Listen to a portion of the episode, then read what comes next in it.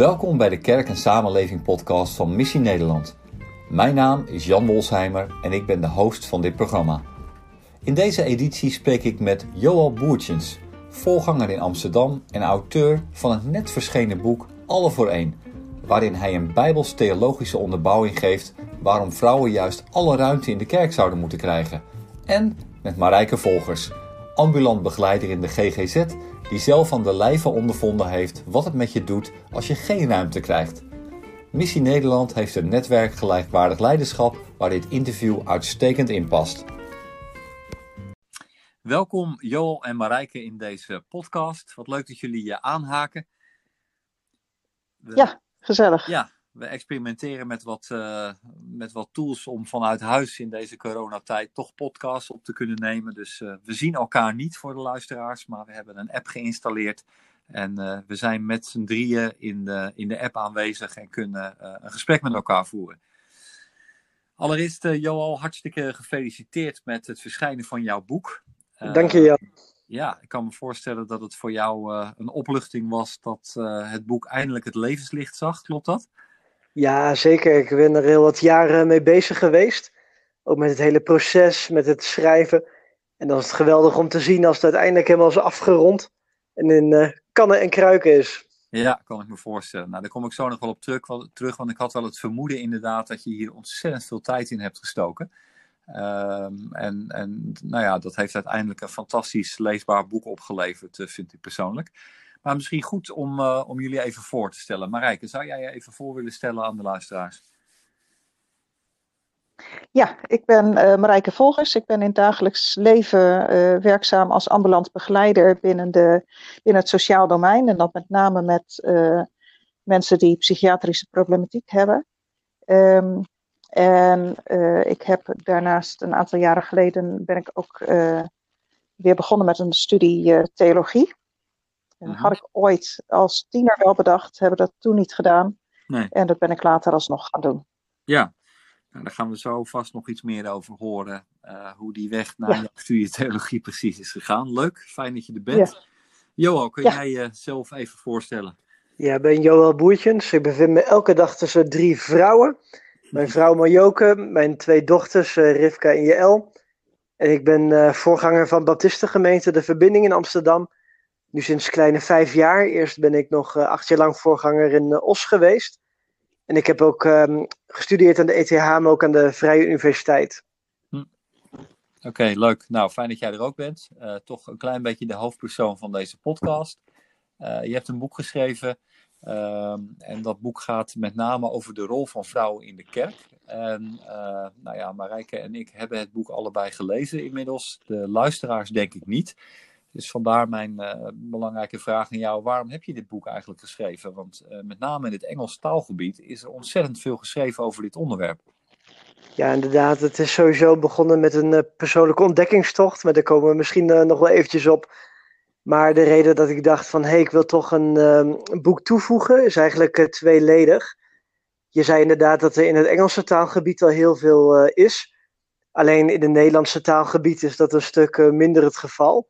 Mm-hmm, Zeker als je kijkt naar recente publicaties en ook uh, ja, meer vanuit mijn traditie. Ik zit ja. meer in de evangelische hoek. En daar wordt ook minder over dit soort uh, zaken gepubliceerd. Ja, ik ken alleen ik... maar vertalingen eerlijk gezegd. Ja, inderdaad, er is uh, behoorlijk weinig. Je hebt een ouder boek van Winston en Winston, een echtpaar. Ja. Die is ook wel breder gelezen. Maar op deze manier wilde ik het ook heel verfrissend brengen. Bepaalde issues aan de orde brengen die uh, doorgaans niet in dat soort uh, boeken voorkomen, ook niet in Engelstalige boeken. Ja. En ik heb eigenlijk een stukje drive en roeping om hierin een bijdrage te leveren. En dan kijk je, ja, wat ligt binnen mijn gaven om te doen? En uh, nou, in mijn geval is dat een boek geworden. Ja, ja, mooi. En ja, het blijft een moeilijk onderwerp. tenminste, ik, laten we zeggen, vooral voor de mensen die zeggen van nou, ik lees gewoon wat er in de Bijbel staat. Uh, jij doet ontzettend veel uh, moeite in je boek om ook de hele context uh, te schetsen op een bepaalde manier. Daar komen we vast nog wel over te spreken. Eh, en je gaf al aan net dat het je jaren heeft gekost. En ik vind dat dat goed terug te zien is in de accurate wijze waarop je geschreven hebt. Hoeveel tijd ben je hiermee kwijt geweest? Nou, ik heb eerst aan de Vrije Universiteit al ehm, voor mijn eindthesis, mijn eindscriptie, heel veel tijd erin gestoken. In twee teksten uit Korinthe, echt in hele oude handschriften lopen peuteren en analyseren. Ja. Maar ook door de jaren heen ontzettend veel gelezen, bestudeerd, maar ook gesprekken natuurlijk die je voert. Maar ja, zoals je in het boek ziet, heb ik niet alleen ook de theologie bestudeerd, maar er ook wel andere inzichten aan toegevoegd, actuele discussies. Dus ja, uiteindelijk is dat wel een proces van jaren geweest. Ja. En het ene jaar besteed je er meer aandacht aan dan uh, de, het andere jaar natuurlijk. Ja. Maar zeker de afgelopen twee jaar heb ik er heel veel tijd in geïnvesteerd. Ja, ja. Mooi. Uh, het, het, boek is een week oud, denk ik, of niet? Uh, ja, een week. Een kleine week, zes dagen. Ja. Ja, ja, precies. Wat zijn de eerste reacties tot nu toe? Ja, heel divers. Er zijn uh, veel mensen die enthousiast zijn, hoewel veel mensen natuurlijk wel het hele boek nog moeten lezen. Ja. Maar in ieder geval die al begonnen zijn, die sowieso bemoedigd zijn dat ik dit aan ben gegaan en hierover publiceer. En aan de andere kant zijn er ook wel wat mensen die vooral ehm, ja, de stille over zijn die eigenlijk iets hebben van ja, zoals je zei, het staat gewoon zo in de Bijbel. Hmm. En uh, ja, daar heb ik er niet verder een boek over nodig, want het is oh. nou eenmaal niet Bijbels. Dus dat, uh, en die groep houdt zich meer wat stiller, daar, daar ervaar ik wat ongemak mee. Ja, Bij, bij hen dan hoor. Ja. ja, wat ongelooflijk dat het nog steeds zo'n ingewikkeld onderwerp kan zijn in kerk. Ik heb die ervaring zelf ook. Heel spannend, je moet heel voorzichtig zijn in wat je beschrijft. En nou ja, het was misschien wel voor jou goed om een boek te schrijven. Dan kun je voor een breder publiek schrijven. En ben je ook uh, vooral hartstochtelijk, vind ik. Kijk, het is natuurlijk ook net waarmee ben je opgevoed. Hè? Dus ik heb ook mensen. Ik sprak vandaag nog uh, iemand. Die is meer opgevoed van, met de teksten waarin vrouwen alle ruimte krijgen. Ja. En die had meer van, joh, is dat een issue in andere kerken dan dat het niet kan? Oh joh. Dus het oh, is meer. Ja. dat bestaat ook. Ja. Uh, ik ben uh, in Indonesië geweest. Nou, daar is het gros gewoon. Uh, of ja. gewoon de, van de voorgangers is vrouw, want de mannen werken op het land. Ja. Dus het is ook enorm cultureel bepaald ehm, of dit een issue is of niet. En met welke teksten je bent opgevoed. Of die 50-plus teksten die meer vrijheid bieden voor vrouwen. Of die twee, drie teksten die het meer in lijken te perken.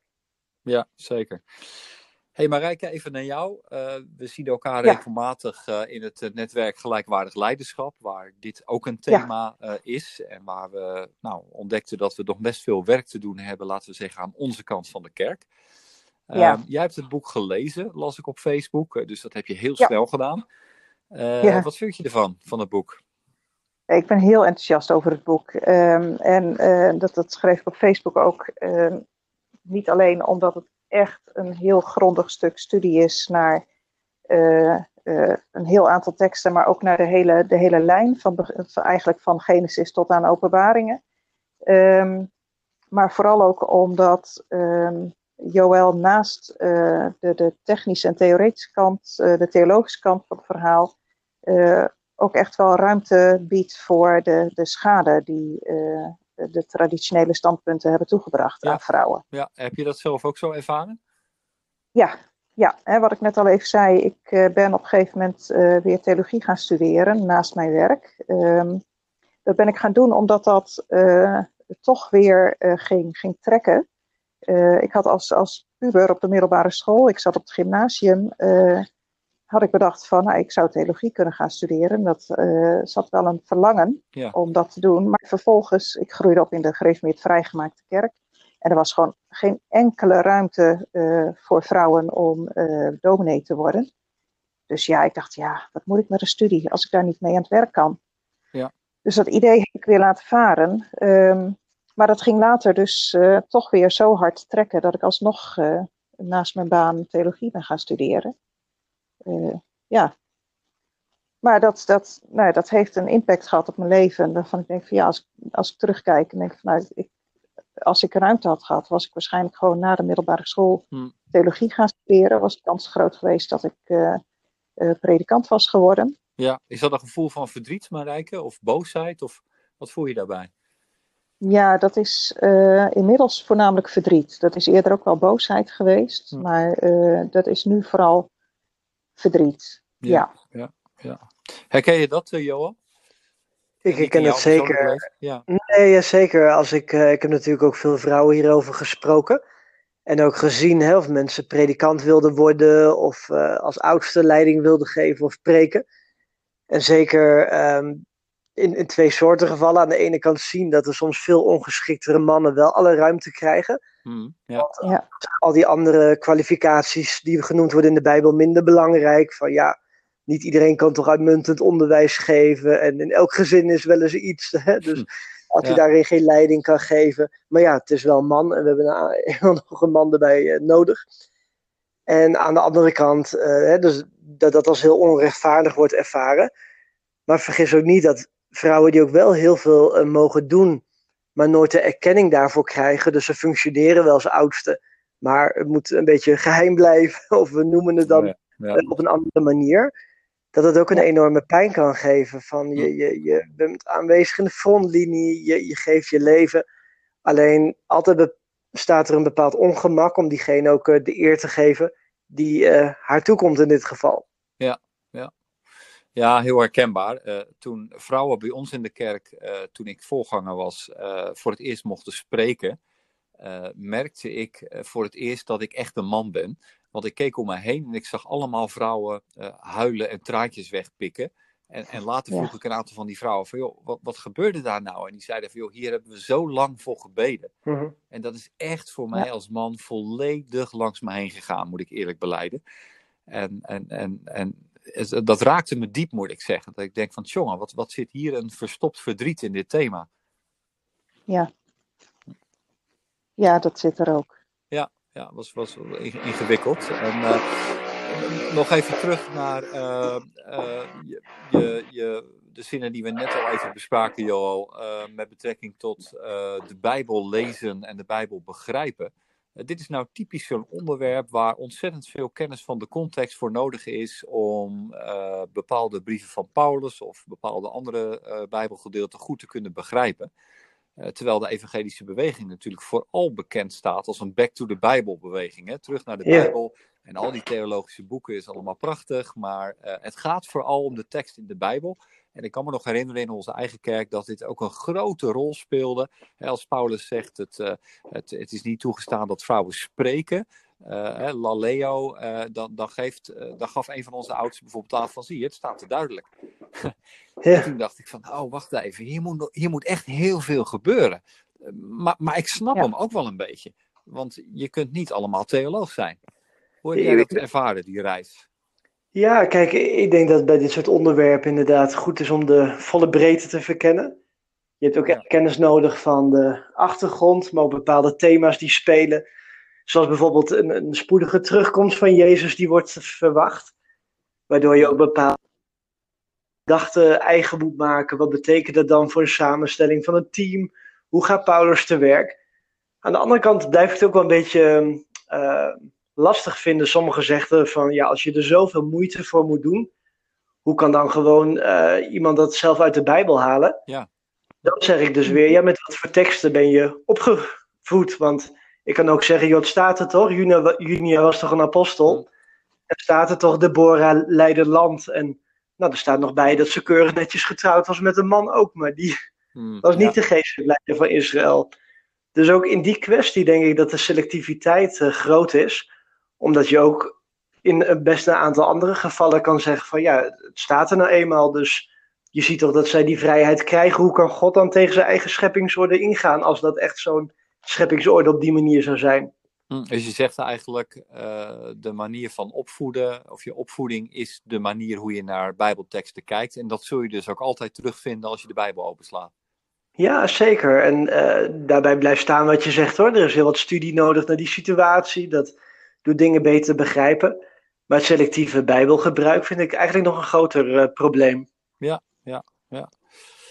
Ja, want ik heb mezelf destijds ook erg in het onderwerp verdiept, maar ik kwam in jouw boek toch een aantal zeer nieuwe dingen voor mij ook tegen. En dat geeft al ja. aan dat jij er veel meer werk van gemaakt hebt dan ik destijds. Uh, bijvoorbeeld, je, je spreekt over een uh, beweging die jij uh, nieuwe Romeinse vrouwen noemt. Een soort feministische-achtige beweging. Hoe ben je daar nou zo op gekomen? Nou, ik heb echt alles zo'n beetje stuk gelezen wat kon. Ja. Dus veel erin verdiept. En dan stuit je ook echt in, uh, en het is ook allemaal, de wetenschappelijke proef heeft het doorstaan, het zijn geen uh, uh, speculaties. Maar dan zie je dat er inderdaad een, een, beweging was die later ook door de keizer weer wordt ingeperkt. Ja. Een soort ja, antieke seksuele revolutie plaatsvond. Wel met name in de elitaire kring hoor. Dus dat was niet dat de gemiddelde vrouw daar heel veel van merkte. Maar dat was al inderdaad een hele ehm, ja, bekende beweging die heel veel invloed heeft gehad. En daarover uh, zijn ook bepaalde wetten weer uitgevaardigd. Dus dat is allemaal heel goed te checken hoe die beweging zich uh, ja, ontwikkelde. Hm. En het was eigenlijk een beweging waar uh, in emancipatie heel goed was. Maar die zo ver gingen dat het ook allerlei seksuele losbandigheid opriep. En zeker in het vredige Romeinse Rijk, waar alles heel hiërarchisch was, wat een bepaalde rust uh, gaf. Ja. Ben enorm zenuwachtig van uh, die ontwikkeling, inderdaad. Hm. Ja. Uh, Marijke, herken je dat in je eigen gemeente, in je eigen omgeving, dat, nou ja, wat, wat, wat we net bespraken, dat de manier waarop je opgevoed bent met bepaalde teksten, dat dat ook de manier is waarop je de Bijbel leest en dat dat soms bij een onderwerp als dit ontzettend in de weg kan staan? Ja, ja, ja. Ik, heb dat, ik ben uh, opgegroeid in de gereformeerd vrijgemaakte kerk en later overgestapt naar de evangelische uh, hoek. Um, op dat moment uh, ging dat met, met tal van teksten, gebeurde dat, dat ik ze dan las en dacht van, het ging echt een wereld voor me open van, van wat dat nog allemaal nog meer kon betekenen dan dat mij in de vrijgemaakte kerk destijds was bijgebracht. Nou, dat geldt uh, uh, zeer zeker ook voor teksten uh, rondom vrouwen, maar ik zie dat in de evangelische wereld ook gebeuren. Dat het, het gaat altijd over die zwijgteksten. Hm. En wat Joel terecht ook aanstipt, de aandacht voor Junia, voor Lydia, voor Deborah, voor een Esther. nou, die aandacht die is er nauwelijks. En ja, dan ga je wel eenzijdig gekleurd worden. Um, dus dat maakt het wel ingewikkeld. Ja, het waren altijd de uitzonderingen die de regel bevestigden in mijn eigen traditie. Ja, dat wordt dan inderdaad gezegd. Terwijl uh, als je daar dus inderdaad wat, wat dieper op doorgaat, dan, uh, dan blijkt dat allemaal nogal mee te vallen. En, uh, en zie je ook steeds dat nou, de scheppingsorde, dat wordt heel vaak geroepen, maar als je dan kijkt in Genesis, dan staat daar dat God man en vrouw gelijkwaardig aan elkaar maakt, dat hm. zij samen heersen over de aarde. Ja. Uh, ik weet niet hoe je daar een gezagsrelatie van maakt. Uh, dan moet je toch wel redelijk knap voor construeren. Maar dus wat dat betreft ligt het best wel voor het oprapen. Maar als je er niet mee opgevoed bent, dan, dan ga je hem niet pakken. Nee, want, maar toch zie ik in de vroege kerkgeschiedenis, hè, kerkvaders als Ambrosius, Tertullianus, die nou niet bepaald een fantastisch beeld van de vrouw neerzetten in sommige van hun geschriften. Uh, gevoelsmatig liggen die heel dicht bij de tijd van de apostelen. Dus ik kan me voorstellen dat er mensen zijn die zeggen van ja, maar dit is natuurlijk allemaal onderhevig aan de cultuurveranderingen en de seksuele revolutie, de feminisering. En zo gaan we de Bijbel lezen. Hoe kijken jullie daarnaar? Ik denk dat je uh, ook bij de kerkvaders wel een iets gemeleerder uh, palet ziet, hoewel de tendens die je schetst wel klopt hoor. Maar ik heb ook in mijn boek, uh, daar eindig ik ook mee met een voorbeeld van uh, Hieronymus. Ja. Nou, die doet uitspraken waarvan je denkt van welke feministische theoloog heeft dat nou weer bedacht. Dat viel me ook Dus we de ja. levens tot een schrik zien. Hè? Van, hij zegt uiteindelijk gaat het om geestkracht.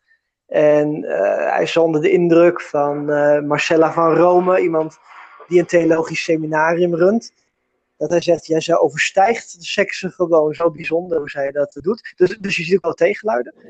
Aan de andere kant denk ik ook dat ook kerkvaders, eh, net zoals ook bij drieën, je bent allemaal kind van je tijd. En daar noem ik ook twee voorbeelden in mijn boek. Uh, zelfs Petrus is een geestvervulde leerling. Hij is in ieder geval heel prominent. Bij zijn Pinkster komen de duizenden mensen tot geloof. En zelfs hij moet uh, Cornelius, de heiden die hij bereikt, uh, zeggen: Nu begrijp ik pas werkelijk dat God geen onderscheid maakt tussen Joden en heidenen. Ja, ja. De man nieuwe vervulling nodig hebben. Ik schets ook een voorbeeld van de Pinkster. Waar Charles Parham uh, in de kracht van de geest mensen geneest. Maar de prediker van Azusa Street Mission, Seymour, die moest bij hem op de gang volgen omdat hij een donkere huidskleur had. Dus aan de ene kant was hij enorm vervuld van Gods geest, deed ontzettend mooie dingen te goede trouw. Tegelijkertijd was zijn gedachte uh, niet vernieuwd in de zin dat hij was. Nou, zo denk ik dat, dat je soms kind van je tijd God kunt dienen. Alleen dat zeggen dat je misschien ergens nog een blinde vlek hebt of iets, iets nog niet geproefd hebt van het hart van God. Ja. Ja, ik denk dat die, die blinde vlekken, die zullen we altijd en overal houden. En uh, die zijn zeer zeker, worden die ook beïnvloed door de tijd waarin we leven. dus dat, uh, uh, en dat is ook niet erg. Um, dat maakt denk ik alleen maar nederig als je daar goed van bewust bent. Dat dat voor iedereen en altijd geldt. Um, en een stukje nederigheid bij Bijbel lezen en elkaar benaderen, dat kan beslist hmm. geen kwaad. Ja, ja. Bij slavernij kun je hetzelfde zeggen. Daar staat gewoon letterlijk iedereen blijft in, in zijn, op zijn eigen positie.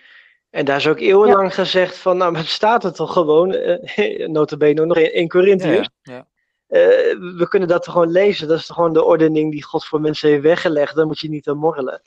En toch hebben mensen gezegd van, ja, maar als we die andere teksten erbij pakken, als we, gaat het alleen maar gelijkheid in het hiernamaals, of zou die Bijbel maatschappij van vandaag de dag zeggen? En hoe zit het dan met die, hm. die tekst? En uiteindelijk denk ik dat uh, elke luisteraar ook heel dankbaar is dat die slavernij is afgeschaft. Hoe ja. eigenlijk daar minder redenen voor aan te voeren zijn dan die ik in mijn boek aanvoer uh, voor de ruimte voor vrouwen in leiderschap en onderwijs. Voor mij is het makkelijker te verdedigen dan destijds de slavernij. Ja. ja. Ja, en dat doe je ook in je boek uh, knap, vind ik. Want je, je blijft niet op uh, louter tekstniveau zweven. Hè. Dus de meeste boeken die ik las, dat waren vooral uiteenzettingen over de zogenaamde zwijgteksten in de Bijbel. Uh, maar jij begint daar weliswaar mee, maar vervolgens maak je een soort reis door de hele Bijbel. Nou ja, de hele Bijbel, maar een flinke lijn door de Bijbel. Hè, van schepping naar Jezus, die bevrijdend is, de uitstorting van de geest en uiteindelijk ook eh, de, de situatie die Paulus in zijn brieven beschrijft. Uh, en toen ik dat las, uh, heb ik een soort gek gevoel van vrijheid ervaren. Een soort een deur die steeds verder open gaat. Waarvan je denkt van, jongen, dit is eigenlijk wel ongelooflijk goed nieuws eigenlijk. En, en met name vond ik uh, jouw uh, hoofdstuk, ik denk dat het hoofdstuk 8 was, uh, over de brief aan de Galaten. Ja. prachtig, omdat je uh, ja, daar heel duidelijk laten zien dat er eigenlijk bijna sprake is van een nieuwe wereld. En, en, en dat, dat vond ik ontzettend inspirerend. Hmm. Ja, dat is bijzonder om te zien dat eh, de orde, van, de orde overstijgt op allerlei gebieden en ook op deze. Ja, ja. ja zeker. Uh, op een gegeven moment noem je uh, een van die zwijgteksten ook een paardenmiddel. Kun je daar iets, iets over uitleggen? Ja, kijk, ik begin dus inderdaad, zoals je zegt, bewust bij die teksten van Paulus. Want daar is toch iedereen al naar op zoek, hè? Ik las zelfs een Engels boek die in de inleiding de lezer smeekte van blader niet door aan het eind, maar lees ook de, het eerste deel. Mm. we beginnen gewoon met die hete hangijzers en uh, daarna gaan we stap voor stap gewoon die hele gedachtegang uh, ontleden. En uiteindelijk heb ik dat een paardenmiddel genoemd, omdat die zwijgteksten zijn er, daar moet je ook niet omheen lopen. Uh, zeker die tekst in 1 Timotheus blijf ik best pittig vinden. En denk ik dat ik voor 90% best uh, dat kan verklaren waarom dat zo was. Maar ook ik heb dan nog de vraag van Paulus, joh, als ik zie wat je verder doet in je missie, waarom komt niet een tandje minder of iets meer uh, genuanceerd?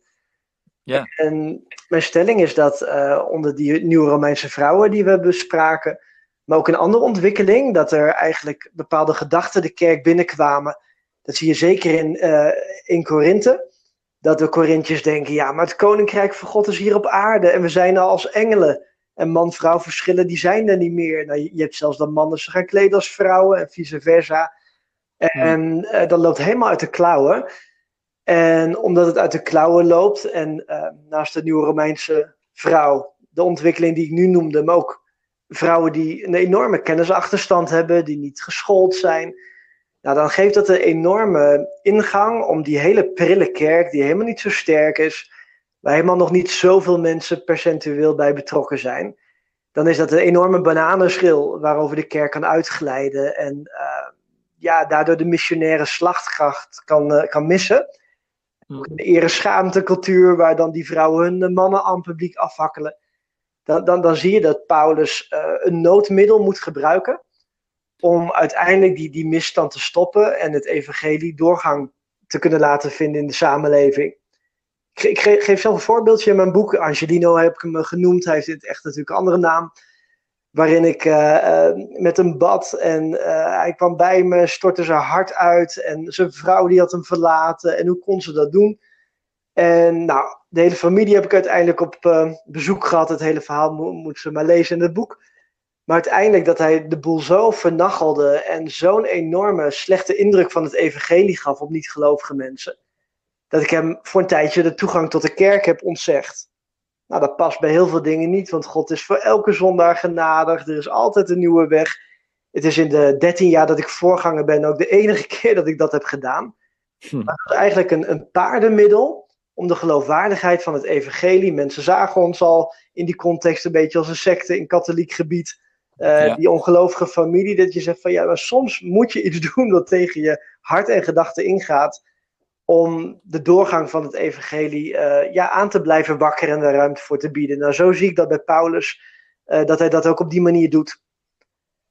Ja, ja, ja, precies. Dus het is meer de uitzondering dan de regel, uh, zeg je eigenlijk, die hier uh, omwille van het evangelie, zeg maar, gehalteerd wordt. Heb ja. dat goed begrepen? Ja, en, en daarom is het heel belangrijk dat de gelaten brieven staat dat in Christus man nog vrouw is, maar ook slaaf nog vrije, uh, heiden nog Griek.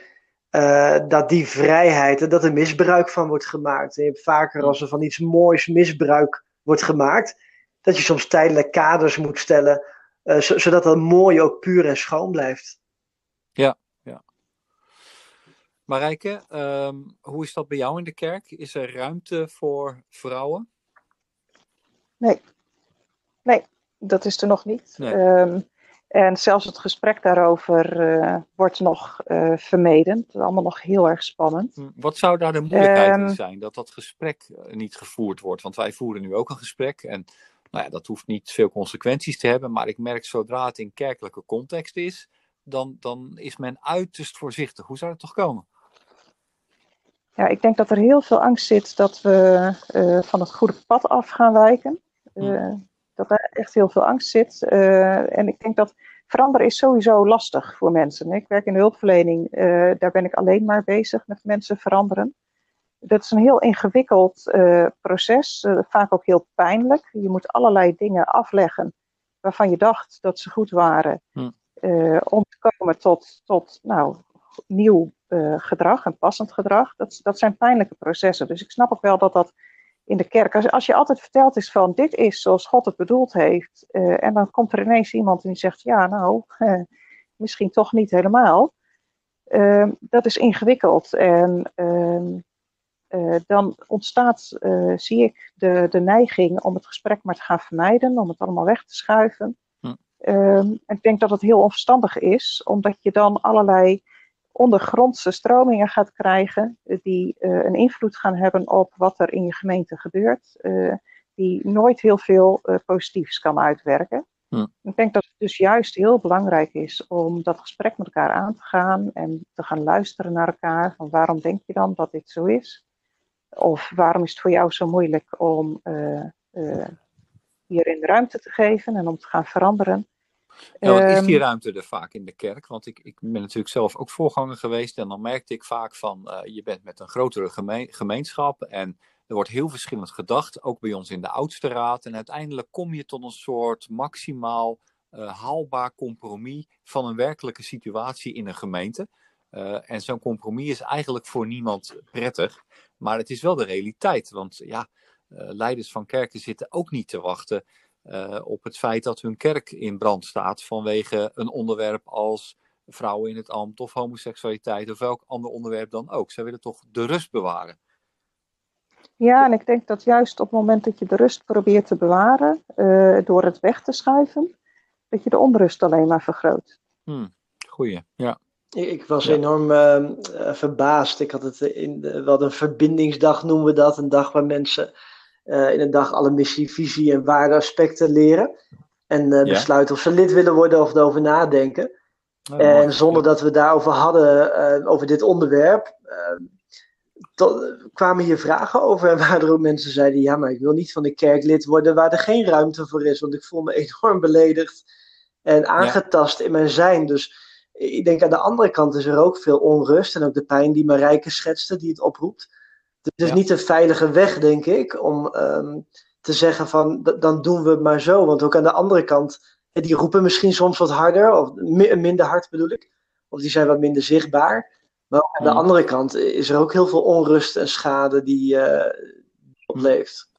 En wat zou volgens jou dan een goede weg zijn voor eh, mensen gaan het boek lezen? Uh, mensen gaan het boek aanraden aan elkaar. En hier komt geheid uh, een commissie uh, in een kerk bij elkaar om op basis van jouw boek of op basis van de hernieuwde aandacht voor dit thema opnieuw dit onderwerp misschien wel op de kaart te krijgen van de kerkelijke agenda. Wat zou je kerken aanbevelen om dit op een goede manier met elkaar te bespreken zonder dat er schade ontstaat? Ja, dan, als ik nog één stapje terug mag, Jan. Je zegt, komt ja? er geheid een commissie? Ik denk wat Marijke schetst, en wat ook mijn ervaring in veel kerken is, dat toch zeker de mannelijke leiders hier toch vaak eerder een slot op zullen zetten. Oh ja? Dus ik denk dat in menige evangelische kerk uh, dat er juist geen commissie komt. Dat uh, mm -hmm. de mannen, hè, vaak vier, vijf mannen, die het beleid dan bepalen, zeggen ja, maar hier gaan we niet over praten, want onrust en andere redenen en dat is leidende mm. schaal en zo. Dus ik ben eigenlijk zelfs bang, naast dat ik verder op je vraag graag inga hoor. Ja. En, um, uh, heel bang dat het niet eens bij een commissie komt, maar dat het uh, toch vaak een doodzwijg is omdat de mannen Serieus, want, de voorgangers als... niet aandurven om hierover te spreken. Wauw, want als ik eerlijk ben, uh, wij zijn ooit tot ook een compromismodel gekomen op basis van de toenmalige raad. Ik zou dat nooit meer zo doen. Uh, en tegelijkertijd, na het lezen van jouw boek, denk je van je kunt gewoon niet meer terug. Je kunt gewoon niet meer terug. Als je het gelezen hebt, het is goed onderbouwd, het is goed doordacht, het is niet verwijtend, het maakt niemand belachelijk. En wat ik vooral mooi vind, jouw hart wordt geproefd in dit boek. Mm. En, en, en, en dus het gaat niet alleen maar om die emotie, maar je onderbouwt het ook nog eens heel erg goed. En ik dacht van ja, als ik dit toch gelezen heb, dan ja. Dus, dus maar ja, misschien ben ik heel naïef hoor. Uh, wat denk jij Marijke? Ben ik te naïef? Komen hier geen commissies van? Uh, ik denk dat je naïef bent, ja. Goed om te weten. Ja, nee, ik, uh, dat is ook wel de ervaring. Weet je, ik heb dit onderwerp al wel meermaals aangekaart en wordt inderdaad gewoon doodgezwegen. En dan wordt gezegd, ja. van, de raad gaat het nog bespreken. En, en dan, dan wow. zei ik wel van, ja, met de raad, de raad, wanneer gaan jullie in gesprek met de vrouwen die dit betreft? Hmm. Uh, ja, oh, oh, uh, moet dat dan? Moet dat dan? Ik zei, nou, dat lijkt me toch wel logisch. Uh, als je niet spreekt met de vrouwen die dit betreft, dan ga je de diepte van dit onderwerp en de pijn nee. die hier aan ten grondslag ligt, ga je nooit kennen. En dan ga je dus ook nooit een wijze beslissing nemen op dit gebied. Maar het wordt hm. dus gewoon gedaan. Ja, ja, dus Ik, ik, ben bang dat uh, de beweging een beetje van onderaf moet komen en dat dat inderdaad met onrust gepaard zal gaan. Ja, dat kan niet anders. Ja. Maar wat jij ook zegt, ik denk niet dat je eromheen kunt na het lezen van dit boek. Nee, hè? nee, dat gevoel blijft bij mij ook hangen. Dat ik denk van joh, laten we dit onderwerp nou voor eens en voor altijd gewoon eens uh, door, doorhakken of er een besluit over nemen en gewoon hup door. Ja. De kerk ja. is breder dan alleen dat mannelijke leiderschap. Maar, maar het lastige is dus wat ik aan het begin van het gesprek ook schetste, dat mensen die hier niet voor in zijn, vaak zo'n boek ook niet lezen. Of nee. uh, dus ook als ik het inhoudelijke gesprek aan wil gaan, neem niet om me gelijk te hebben, maar om gewoon te spreken, te delen met elkaar. Van joh, wat maakt dan zus en zo, maar dat er een bepaalde aversie is, uh, een bepaalde ja, gereserveerdheid voordat het überhaupt tot een gesprek komt. En uh, daar blijf ik zeker niet te hangen, want ik geef me hele hebben en houden om juist het gesprek aan te gaan, om het open te breken. Dus ik hoop ook helemaal niet dat die conclusie bewaarheid wordt, dat het niet wordt besproken. En ik ga er van mijn kant alles aan doen om daarover wel in gesprek natuurlijk te gaan. Ik wil er ook kerken bij helpen. Maar uh, het moet wel ver komen voordat het echt tot een gesprek komt bij sommige mensen. En dat is soms best wel lastig. Maar zelfs nu, Johan, want jij staat toch, eh, denk ik, wel bekend als een orthodox, uh, nou ja, bijbels betrouwbare voorganger, hè, om maar even wat superlatieven te noemen. Uh, ik kan me voorstellen dat als een Rob Bell een boek als dit geschreven had, dat een deel van de orthodoxie kan zeggen van ja, dat lezen we natuurlijk niet. Maar dit is toch echt een ander geval. Nou, ik ga er ook voor de volle 100% voor. Ik hoop ook dat het hier anders af verloopt. Dus het, ja. en kijk, ik hoop ook echt dat dit iets zal openbreken. En daar heb ik ook echt op, oprecht goede hoop op. Dus ik denk ook echt dat er wel iets zal gaan veranderen. Maar uh, ja, dat sommigen wel een horde uh, zouden moeten nemen. En wat Marijke zegt, dat het heel belangrijk is uh, dat mensen die normaal misschien zich niet hierover uiten, of dat ook zij aangeven, joh, we, we willen hier gewoon over praten. En niet om onrust te creëren of afstand, maar om, om juist het gesprek aan te gaan. Dus ik denk dat een stukje massa mensen die ook uh, de boodschap verspreiden en, en het delen. Niet om per se op dezelfde conclusie uit te komen, maar dat het wel helpt dat, dat mensen zelf ook daarover in gesprek gaan in hun kerk. Ja, op een goede manier. nog, nog even terug naar, naar mijn eerdere vraag: van, hoe zouden kerken dat, dat nou wel goed kunnen aanvliegen? En, en die vraag stel ik misschien wel aan jullie beiden. Dames gaan voor me rijken. ik denk dat het gewoon uh, eerst eens heel belangrijk is om ehm, naar elkaar te luisteren. En uh, daarin uh, ruimte te bieden voor de emoties die er zijn. Ik denk als je die van elkaar begrijpt en verstaat, dat daar, dat, dat ruimte biedt om verder in gesprek te gaan. Uh, dus dat zie je op allerlei vlakken. Dat zal ook met dit thema zo zijn. Daar waar je elkaar gaat leren kennen en begrijpen. Waar je elkaar dusdanig gaat leren kennen dat je ervan op aan kunt dat je allebei oprecht zoekt naar Gods weg. Ehm, dan ontstaat er ruimte om de diepte in te gaan en om standpunten ook te veranderen. Hm. Oké. Een poging die we al in ieder geval doen is, eigenlijk zou dat 16 mei zijn maar door het corona gebeuren is dat uh, verplaatst naar 3 oktober. En hopelijk dat het dan wel stand kan houden. Is dat we in onze eigen kerk hier ook een, uh, niet als kerk zijnde, maar behoren bij dit boek een uh, symposium organiseren. Waarin ik dus ook het gesprek aanga met Orlando Bottenblij, met Miranda Klaver. Onder leiding van Andries Knevel. En dan, dan pitchen we alle drie een kwartiertje onze mening. Dan komt er een mooie mhm. podiumdiscussie. En zal er ook uh, ruimte zijn voor vragen vanuit de zaal. Lekker compact gewoon, binnen, binnen twee uur. En ik hoop dat dat in ieder geval een aanzet is om op een hele respectvolle, maar ook inhoudelijke manier ook het gesprek aan te gaan.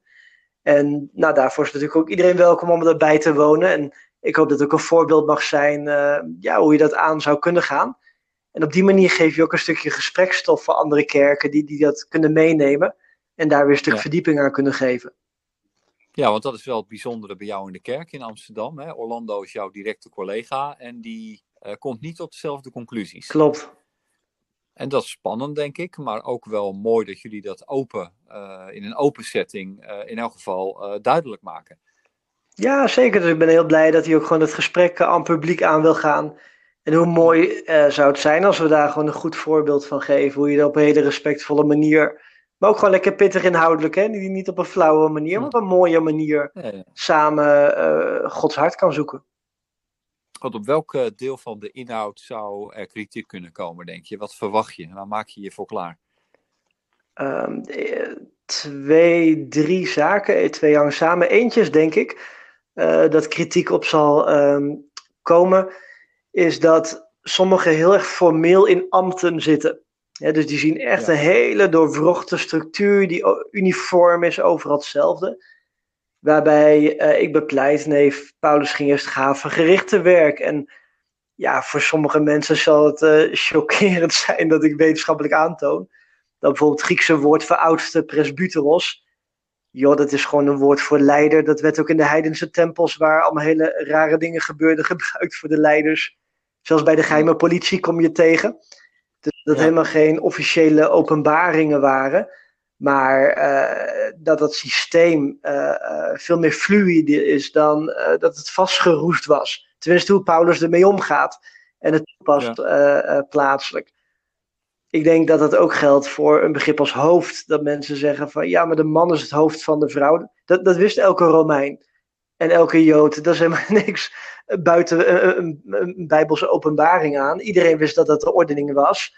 Alleen wat Paulus juist doet, is om binnen die structuur een stuk vrijheid en gelijkheid te brengen. Dus en mooi is dat er dan ook staat van hè, de vader uh, is het hoofd van zijn zoon. Nou, dat wist iedereen wel hoor, de paterfamilie als die wil zeggen de baas. Uh, de, meester is de, het hoofd van de slaaf, nou, al onbekend. Maar dan gaat Paulus zeggen, ja, maar binnen die structuren ga ik een stuk vrijheid brengen. Nou, dit, dit soort thema's, de woordwaarden van hoofd, van oudste, de, de inhoud ervan. Dat is best een hele andere manier van Bijbel lezen natuurlijk dan uh, uh, ja, met een andere lezing gedaan wordt. Dus dat soort uh, punten zal wel uh, ja. liggen. En sommigen zullen toch zeggen, ja, er is echt een scheppingsorde in de zin van een rangorde. Dat, dat verwacht ik ook wel. Ja, jij komt niet uit op een rangorde in je boek, hè? Nee, nee ik zie, en, en dat zal ook wel onderwerp van kritiek kunnen zijn, dat ik zeg van de man zal heersen. En dat is geen zegen of belofte, maar het is een vloek. En ja, Marijke, jij zei net al van hé, hey, die andere vrouwen werden ons geleerd als een paar lichtpuntjes, hè, de uitzondering op de regel. Nou, voor een deel is dat ook wel zo, omdat die vloek ook echt doorwerkte. En, en de vrouwen, hoe verder je leest in het Oude Testament, hoe verder die vrouwen uh, weggetrapt werden. Het tweede eeuw voor Christus, dat vrouwen uit de synagoge naar boven geparkeerd werden achter een afgeschermd balkon.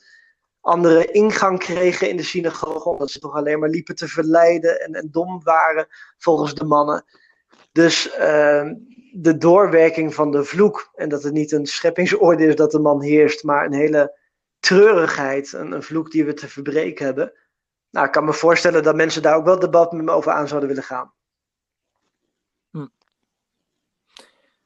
Oké, ja, dat, dat begrijp ik. Uh, wat denk jij, Marijke? Hoe zal het boek eh, worden ontvangen door de, nou ja, de groep die hier niet zo op zit te wachten eigenlijk en maar onrust vindt geven? Um, nou, ik ben bang dat ze het gewoon niet gaan lezen. Uh, ik hoop dat ze het wel doen, um, omdat het denk ik altijd goed is om jezelf uit te dagen. En ik denk, dat roep ik ook altijd, als jouw uh, standpunten echt bijbels hard te maken zijn, dan blijven ze overeind, welk onderzoek je ook doet. En als ze in jouw onderzoek niet overeind blijven, dan waren het dus geen bijbelse standpunten. Hoef je ook niet voor te schamen. Want uh, we, hebben, we kennen allemaal uh, bij tijd en wijle uh, dat we standpunten moeten herzien. Dat is heel menselijk.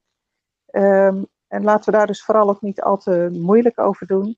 Maar daar waar je eens moet veranderen, omdat je tot betere inzichten komt, moet je het wel doen. Moet je niet eigenwijs gaan ja. vasthouden. Ja. Als ik nog één ding toe mocht voegen. Kijk, ik ben een van die zoekers. Hè, die bijbelgetrouwe mensen, als je dat etiket erop wil plakken, wat je deed, hè, Jan. Um, dus, dus ik ben gewoon een van hen. Ik ben niet iemand die de les komt leren. Ik ben zelf iemand die op ontdekkingstocht is gegaan. Die uit diezelfde traditie is opgegroeid. Hè, dat is een bepaalde rijping, heeft de boodschap ondergaan, een studie nagedaan. Dus ik, ik ben gewoon een vanuit het midden van degenen die ook hierin zoeken.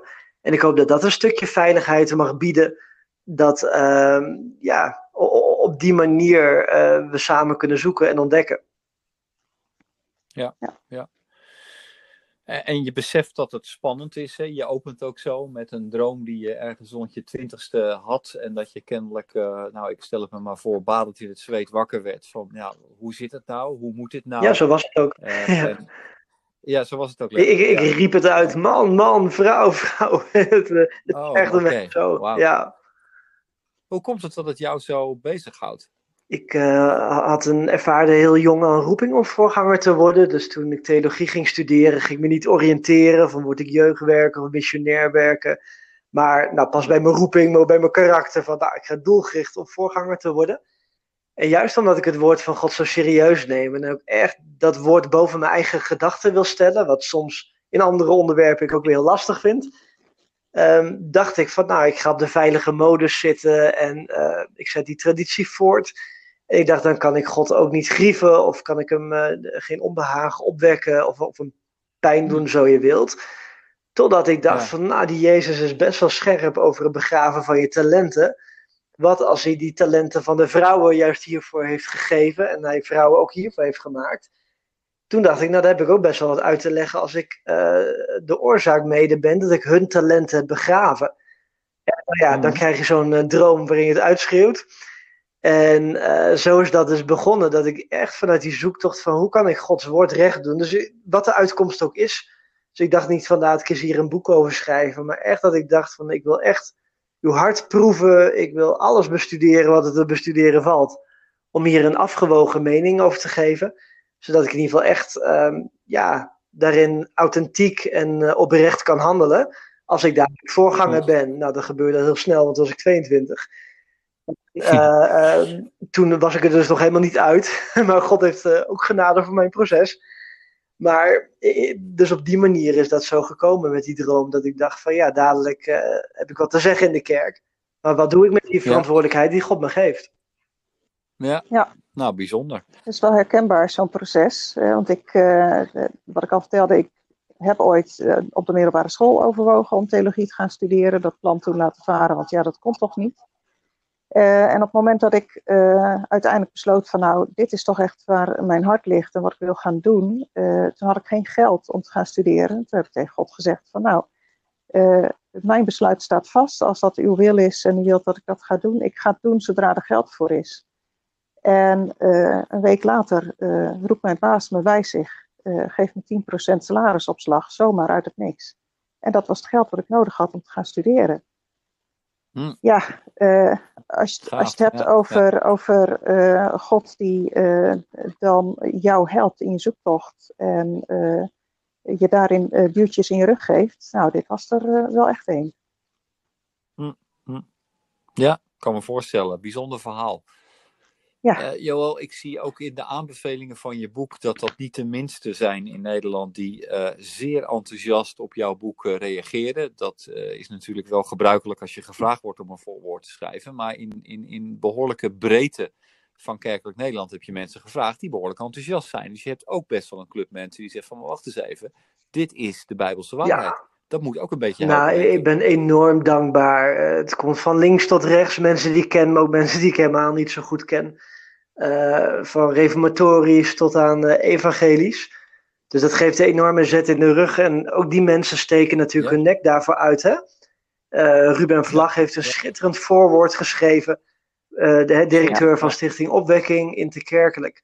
Waarin hij ook aangaf dat vanuit de Zuid-Amerikaanse macho-cultuur, hebben we het over culturen gehad, dat hij. Hij is zettingskind. Ja, exact. Ja, hij is daar opgegroeid. Maar dat hij daarin ook een hele weg uh, in moest maken. En uh, daar vanuit zijn opvoeding anders over dacht. En ik vind het mooi dat hij zich zo kwetsbaar opstelt. Maar ook al die andere mannen en vrouwen die de aanbevelingen schrijven. Die, die steken ook echt uh, hiermee hun nek uit. En ook de woorden, de inhoud die ze schrijven. Dan, dan zie je echt dat ze zeggen, nou we hopen dat dit een doorbraak zal geven. Hoe mooi zou het zijn voor de kerk van Jezus. Dus het zijn niet alleen net de formele aanbevelingen van, nou dat is keurig gedaan. Maar het zijn echt hele gepassioneerde aanbevelingen. Ja, zeker, absoluut. En, dat is een uh, enorme kracht uh, bijzetten. Ja.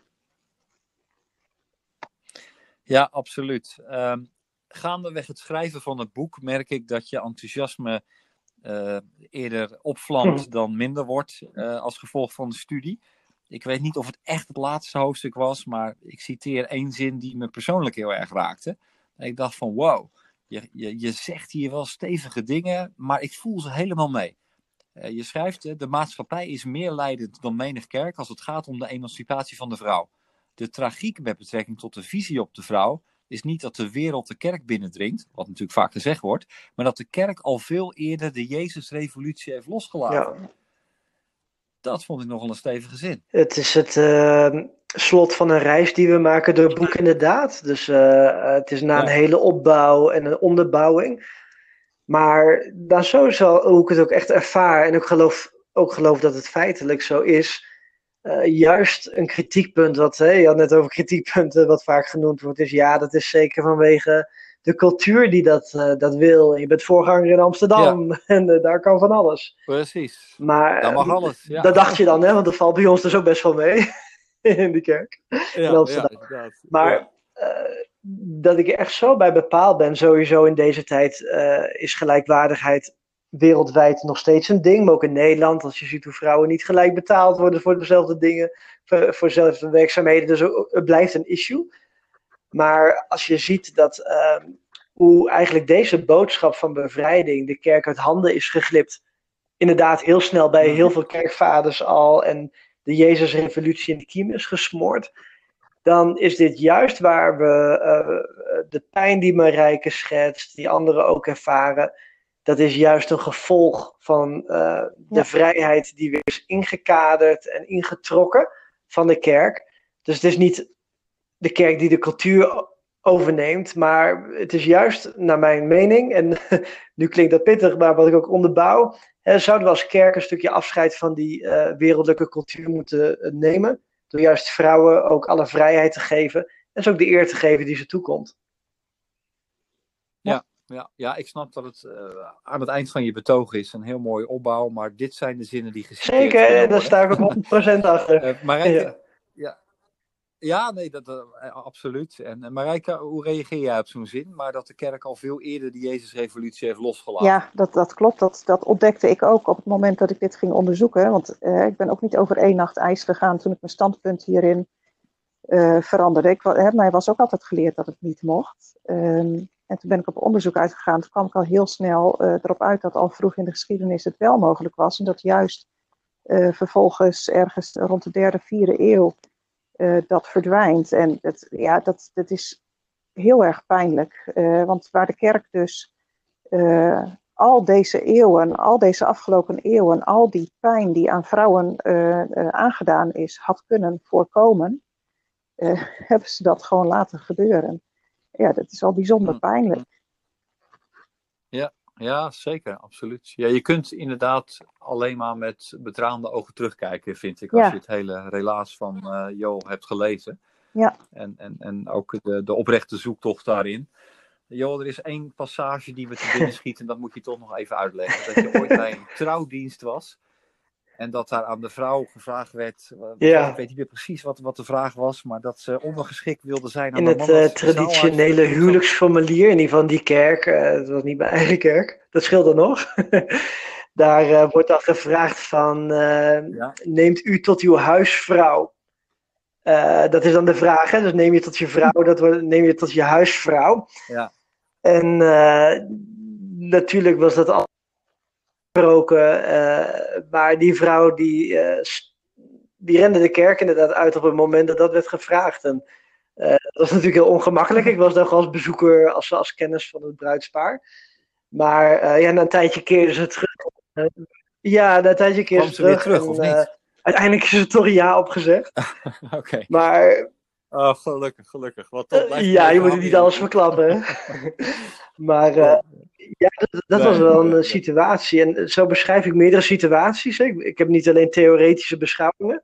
Ook echt voorbeelden ja. uit het leven gegrepen, uit de praktijk. Ook hier uit Amsterdam, seculiere omgeving. Uh, katholieke omgeving waar ik hiervoor werkzaam was. Dat je ook echt ziet wat het doet, ook in deze tijd. Het is niet alleen een lesje van het toen maar ook een boodschap eh, voor nu. En, en ook dat je ziet wat voor emoties dat er nu oproept en wat er gebeurt. Ja, ja zeker. Mooi. Marijke, ga jij uh, vanavond de huizen langs als het donker wordt om bij de oudste dit boek in de brievenbus te gooien? Of is het zo? ik, uh, ik, ik heb het ze al uh, tot aan vervelend toe geroepen. dus ja, ja nee, ik hoop dat ze het gaan lezen. En daar wat mee doen. Oké, nou mooi. Ehm, ik wil jullie beiden hartelijk bedanken voor jullie uh, tijd en, uh, en bijdrage. Uh, Johan, nogmaals dank voor dit boek, wat volgens mij echt een aanwinst is in het Nederlands taalgebied met betrekking tot deze materie. ik hoop dat het boek ook veel zegen zal brengen, zowel voor mhm. vrouwen, maar ook voor mannen. Want ik denk dat teams die van gemixte samenstelling zijn, over het algemeen het beste functioneren. En uh, ook een heleboel uh, toestanden in kerken kunnen voorkomen. Dus wat dat betreft uh, zie ik rijkhalsend uit naar wat dit boek gaat doen in christelijk ja. Nederland. Um, voor de luisteraars, het boek is te bestellen via een link in de show notes van deze editie. En dan kan ik je boek van harte aanraden. niet alleen vanwege de theologie, want die zit er zeker goed en veel in. Maar ook vanwege de verhalende manier waarop Joel dit boek heeft geschreven. Bedankt allebei. En, gelijk, heel bedankt. Een fijne dag. Ja, graag gedaan.